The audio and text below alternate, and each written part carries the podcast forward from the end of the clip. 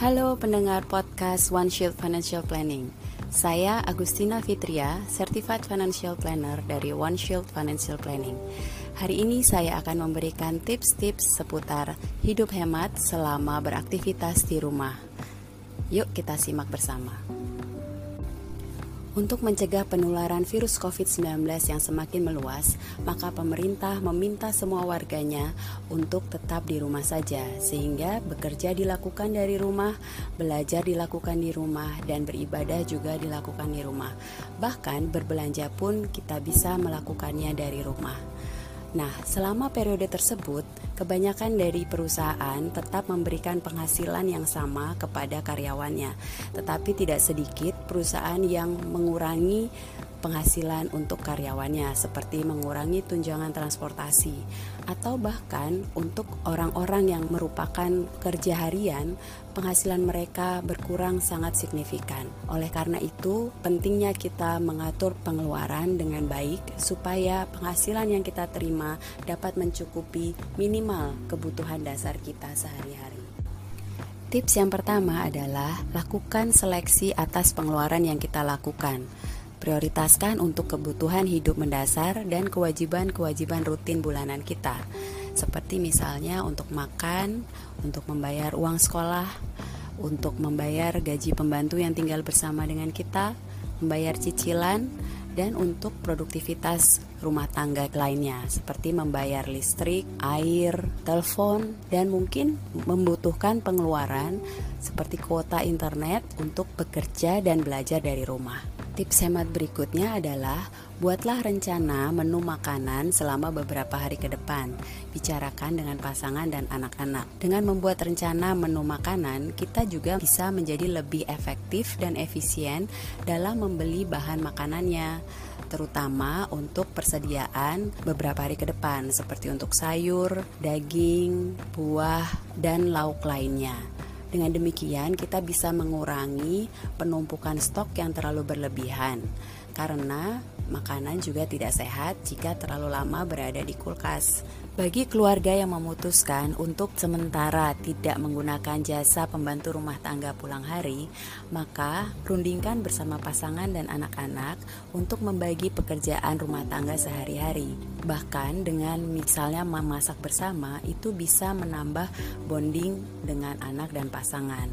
Selain itu juga bisa menambah kemandirian anak-anak untuk mempersiapkan mereka di masa depan. Beraktivitas selama 24 jam di rumah tentu membuat kita tergoda untuk lebih sering makan, apalagi kalau kesibukan sedang tidak ada. Oleh karena itu, buat kesepakatan bersama dengan keluarga untuk membuat jadwal kegiatan sehari-hari, kapan jadwal makan, kapan belajar, kapan bekerja. Dengan demikian, kita bisa membuat supaya makan tetap makan besar tiga kali sehari dan dua kali makanan ringan. Nah, makanan ringan bisa kita siapkan sendiri, kita masak bersama dengan anak misalnya. Atau kalaupun akan menyiapkan makanan ringan siap saji, kita bisa mengatur supaya makanan ini keluar secara bertahap. Jadi dibuat jatah dalam sehari berapa banyak makanan ringan yang bisa disantap oleh keluarga.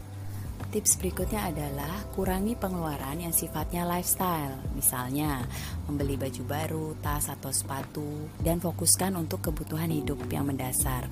Apabila kebutuhan dasar Anda sudah terpenuhi, maka Anda bisa mengalihkan pengeluaran lifestyle tadi untuk kebutuhan sosial, misalnya membantu dengan mendonasikan bagi tenaga kesehatan atau untuk membantu orang-orang di sekitar kita, terutama pekerja harian yang penghasilannya sangat berkurang akibat berkurangnya pelanggan mereka. Anda bisa juga menghemat uang belanja dengan berbelanja di pasar tradisional, karena saat ini pasar tradisional juga membuka akses untuk menjual secara online. Dari rencana menu makan selama beberapa hari ke depan, Anda bisa tahu bahan apa yang akan dibeli di pasar tradisional.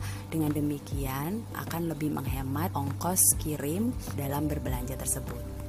Usahakan untuk meminimalkan transaksi dengan uang tunai untuk mencegah penularan virus COVID-19 dari uang atau dari mesin ATM yang kita kunjungi lebih banyaklah bertransaksi secara online, misalnya dengan dompet digital atau transfer.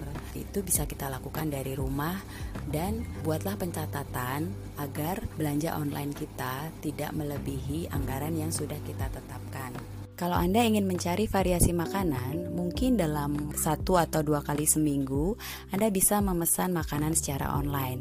Tetapi pastikan tempat Anda membeli makanan adalah tempat yang bersih dan makanannya juga higienis. Pastikan saat makanan diantar ke rumah, Anda membersihkan dan memanaskan makanan tersebut dengan suhu minimal 58 derajat Celcius agar semua kuman-kuman dan virus bisa mati. Jangan sampai Anda menjadi sakit dan biaya kesehatan menjadi naik hanya karena Anda ingin mencari makanan di luar. Untuk produktivitas belajar dan bekerja dari rumah, kita membutuhkan akses komunikasi yang lancar.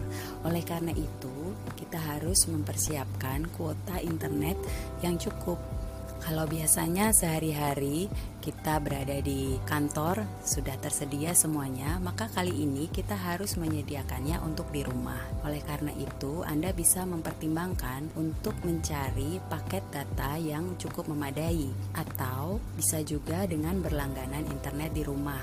Dengan demikian, pengeluaran internet bisa dibuat tetap dan dapat dinikmati oleh seisi rumah. Tetapi Anda tetap harus melakukan pengendalian untuk akses internet untuk kepentingan bekerja dan belajar.